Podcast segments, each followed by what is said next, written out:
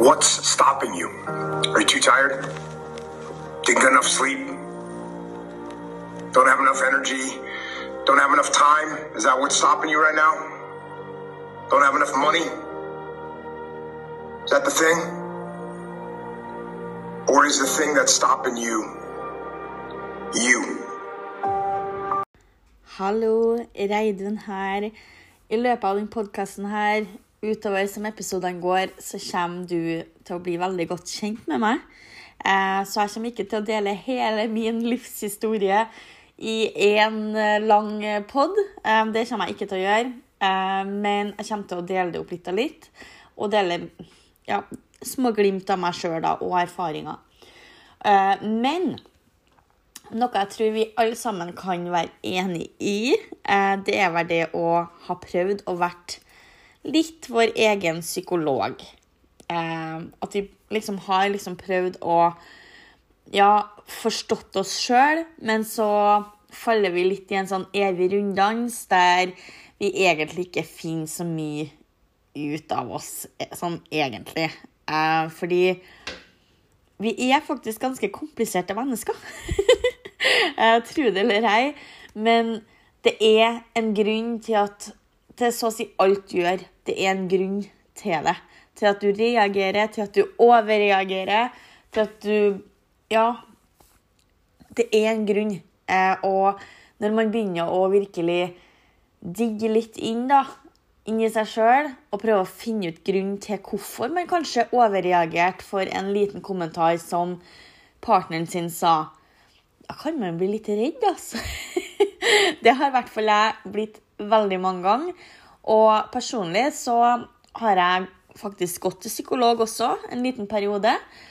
Og psykolog fant jeg ut at det var ikke helt min greie. Kanskje var det rett og slett eh, ikke kjemi mellom meg og den eh, eldgamle mannen som satt der. Eh, eh, men jeg fikk i hvert fall utrolig god hjelp fra en psykiatrisk sykepleier når jeg gikk gjennom eh, angst, depresjon og ja, rett og slett sorg eh, etter å ha mista mannen min eh, til kreft. Eh, jeg hadde veldig dødsangst sjøl etterpå. Var livredd for å dø. Eh, og at noe skulle skje med meg, sånn at jenta vår på ett og et halvt år skulle bli alene. Så jeg måtte veldig, veldig grave inn i meg sjøl for å komme meg ut av den vanskeligste perioden i livet mitt. Og har jeg skulle ha klart å Eller hvis jeg skulle ha vært min psykolog, min egen psykolog i den tida, så har jeg ikke vært her den dag i dag. Eh, Så utrolig takknemlig for at jeg ja, dro til den psykiatriske sykepleieren, og ja, at hun stilte de rette spørsmålene som fikk meg til å innse hvor, hvordan jeg skulle gå videre, rett og slett. Så ja, nå skal vi digge litt inn i kanskje et litt sårbart tema, men jeg håper du er klar. Psykisk helse. Det er et veldig touchy tema. Og jeg gikk mange runder med meg sjøl om jeg skulle tørre å ta opp det her. Eh, og helt ærlig, har jeg ikke vært gjennom det sjøl, så har jeg nok absolutt ikke kommet til å snakke om det. Fordi jeg mener at folk som ikke har vært gjennom det, de som ikke vet hvordan det føles, de kan ikke forstå hvordan det føles. Og da bør de heller ikke uttale seg noen ting om det. Eh, og derfor å, skal jeg gjøre det her som jeg syns er veldig skummelt. Og det er å snakke litt om de tankene man har. Eh, og det jeg sleit med da, det var jo angst og depresjon, panikkangst, dødsangst. Eh, og ja, det var livet mitt i ja, noen år. For å si det sånn. Og ja, det var ei veldig, veldig mørk tid. Eh, og jeg kan vel egentlig oppsummere veldig godt at eh, den tida den er ganske blurry for meg nå i ettertid. Men det jeg husker, når jeg ser tilbake på den tida, det var at jeg var veldig fokusert på meg sjøl. Jeg tok ting veldig personlig. Hvis det var noen som sa noen ting eller kom med tips. Jeg gikk i forsvar. Tvert. Jeg ble veldig fort sint. Eh, og jeg satte meg sjøl i offerrolle veldig ofte. Eh, hele tida, faktisk. Og jeg var alltid så kritisk til meg sjøl at ja, jeg peka på alle andre, men jeg peka også veldig mye på meg sjøl. Fordi det var jo jeg som var rota til alt ondt. Men når man sitter og peker selvfølgelig på alt, alle andre også, fordi livet er jo dritt, sant? Når man er deprimert og man har angst og alt det der, så føles livet veldig tungt uansett. Og da er det ja, da er det fort gjort at man peker på alle andre. Men det som også skjer, det er det, det som foregår på innsida av deg, det er at du er mest oppgitt og skuffa over deg sjøl.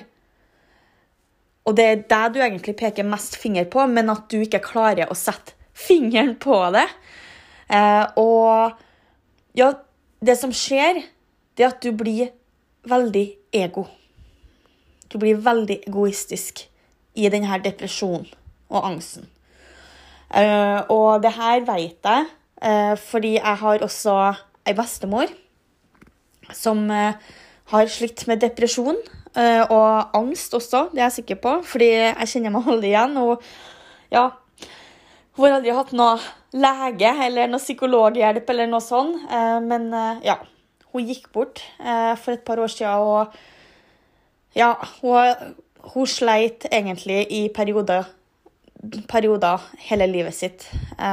Og ja, det var ganske ille en periode der, og jeg kjenner meg ja, jeg kjente meg veldig igjen i henne.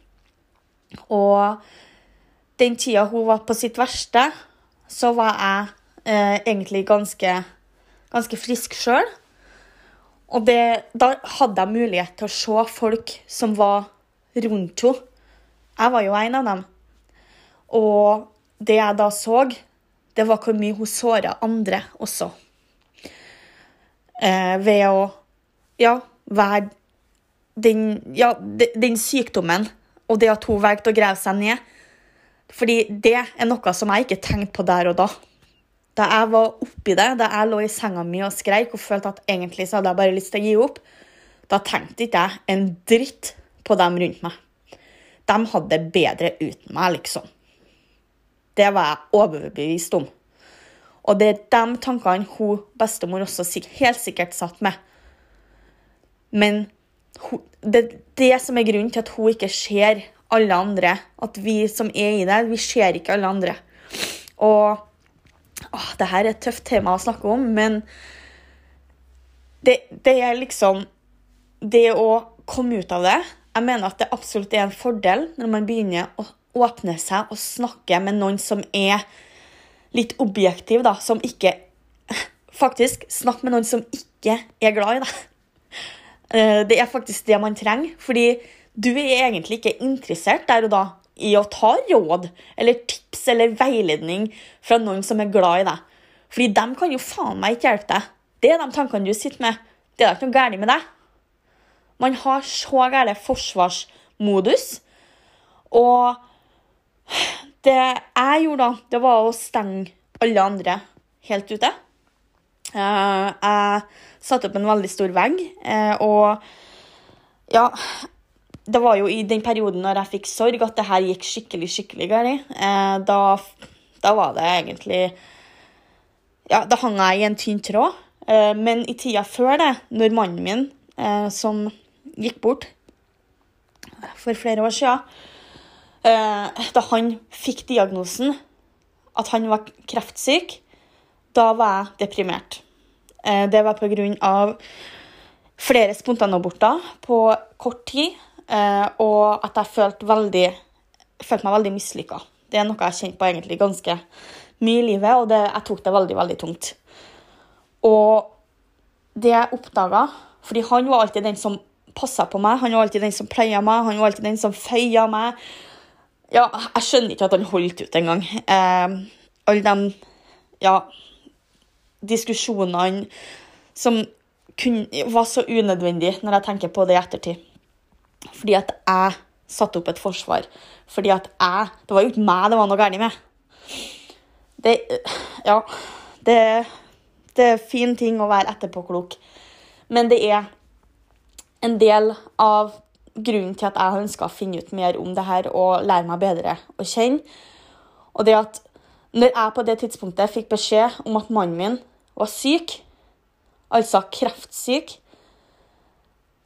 da var plutselig ikke jeg så viktig lenger. Fordi da var jeg så langt inne i min egen boble. Da var liksom hele forholdet vårt Det, det handla om meg og det at jeg ikke mestra, at jeg ikke klarte å bære fram et barn. Det var liksom meg, meg, meg, og det var synd til meg, og det var liksom alt var om meg. Jeg hadde gjort hele forholdet om meg, og nå var plutselig realitetssjekken klask i trynet. Og, der, og da så tenkte jeg det at Ja, det her fortjener jeg. Jeg husker at det tok veldig lang tid, eh, flere måneder, før jeg innså alvoret. Og ja, jeg fikk til og med Magnus sin kreftdiagnose til å handle om meg. Eh, Magnus er da mannen min, fordi Eller var mannen min. Uh, og jeg var så deprimert at jeg på en måte tenkte at det, det, det her er det fortjener, nå får jeg bare enda mer straff. Meg, meg, meg, meg, meg, meg, meg. Selv om Ja, det, jeg hadde ikke noe kontroll over det. Og han klaga aldri, liksom. Fordi at han hadde, han hadde Jeg følte at jeg lot han være alene med tankene sine. Og jeg husker den dagen at Ja, han fikk Han fikk den beskjeden om at Ja, ett og et halvt år Det er Det er vel sånn cirka det som er igjen av livet. Og da snudde det seg veldig for min del. Det var som en bryter som slo seg av. Og fra den dagen så var Magnus Da var det mannen min som var viktig. Da var det jeg, Det var sånn Jeg gikk på autopilot. Jeg var plutselig en helt annen person. Fordi at jeg fikk meg et stort slag i trynet, og jeg følte at jeg våkna opp og så realiteten. Og det her er ikke noe som kan trylles fram, dessverre. Men det som skjedde, da, det var at jeg tok meg av han helt fram til hans siste dag. Og etterpå så knakk jeg. Fordi da hadde livet mitt eh, på en måte gått opp i å prøve å holde han til stede. Og så var det plutselig bare meg og dattera mi, eller vår, igjen. Eh, og på det tidspunktet så datt jeg tilbake i det hølet. Det svarte, deprimerte hølet sammen med sorg.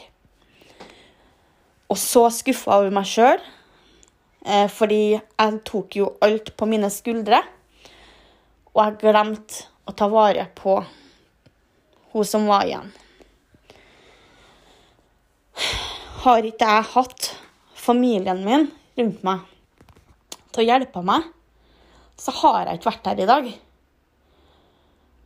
Og har ikke jeg ja, innsett at jeg er nødt til å snakke med noen,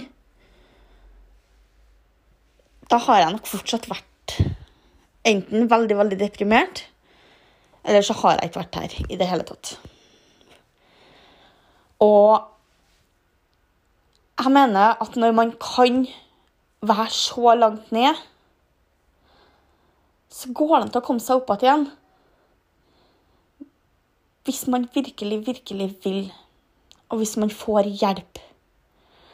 Og derfor velger jeg å lage denne poden. Um, det skal ikke være så trist og vondt og fælt hver, hver episode. Faktisk tvert imot. Det her blir den tøffeste, eh, så vi starter brått. Men jeg vil at alle sammen som lytter til denne podkasten, skal forstå hvor langt ned jeg har vært, sånn at de også skjønner at jeg ikke sitter og prater om ting som jeg aldri har kjent på. Fordi jeg vet at det å ta tips og råd og veiledning fra folk som ikke har kjent på det du kjenner på, det betyr nada. Det betyr ingenting. Men nå sitter jeg her, og jeg sier det at ja, jeg veit hvordan du har det. Og ja, om du ikke er deprimert eller har angst eller ja, sånne ting Om du bare kjenner på det, om du kjenner på veldig mye negativitet i livet ditt, om du kjenner at du er veldig mye trist og lei, og at du er veldig hard mot deg sjøl, så vær så snill, fortsett å høre på denne podkasten. Fordi jeg vil at du skal unngå å havne i depresjon. Og forhåpentligvis så vil det å jobbe med seg sjøl, eh, at du jobber med deg sjøl, det vil hjelpe deg å unngå det. Og at du kan få et annet syn på livet og på framtida di. Eh, og jeg kan helt ærlig si at jeg skulle ha ønska at jeg visste hvordan det var å faktisk ha at, ja, For to år siden, liksom, så visste jeg ikke at det var noe. Altså nesten, eller ja, for ja, åtte år siden, da når jeg mista mannen min, så visste jeg at det var noe som heter for mindset. Jeg visste ikke at det gikk an til å jobbe med hodet sitt. Jeg visste ikke at jeg kunne kontrollere tankene mine. Da bare godtok jeg at det var sånn som det var. Jeg var uheldig, jeg fortjente det her. Da var jeg ikke mottagelig for å høre at Ja, men du kan jo bare jobbe med mindset, Reidun. Den kunne du holde for deg sjøl. Det er liksom Jeg var ikke åpen for det, og jeg mente at det her var bullshit. Og nei, det her skal ikke bli en sånn halleluja-podkast. Langt derifra. Det skal være ærlig, det skal være direkte, og jeg skal dele kanskje noen ting som er litt sånn seriøst. Men det har hjulpet meg. Og jeg skulle virkelig ha ønska at jeg Ja, det her skulle ha vært pensum på skolen. Det å faktisk jobbe med sine egne tanker, sin egen sjølfølelse og bygge seg sjøl opp, og det å kunne løfte seg, det skulle vært pensum på fuckings grunnskolen. Fordi det er noe som er så viktig i livet. Så ja, det her ble en veldig ja, kanskje trist eh, start. Men jeg håper at du likte episoden her, og jeg lover de fremtidige episodene blir ikke like vond. Eh, men jeg håper likevel å treffe noen, eh, noen følelser i deg som kan få deg til å tenke litt og ønske å prøve å jobbe med deg sjøl, sånn at du kan bli klok på deg sjøl.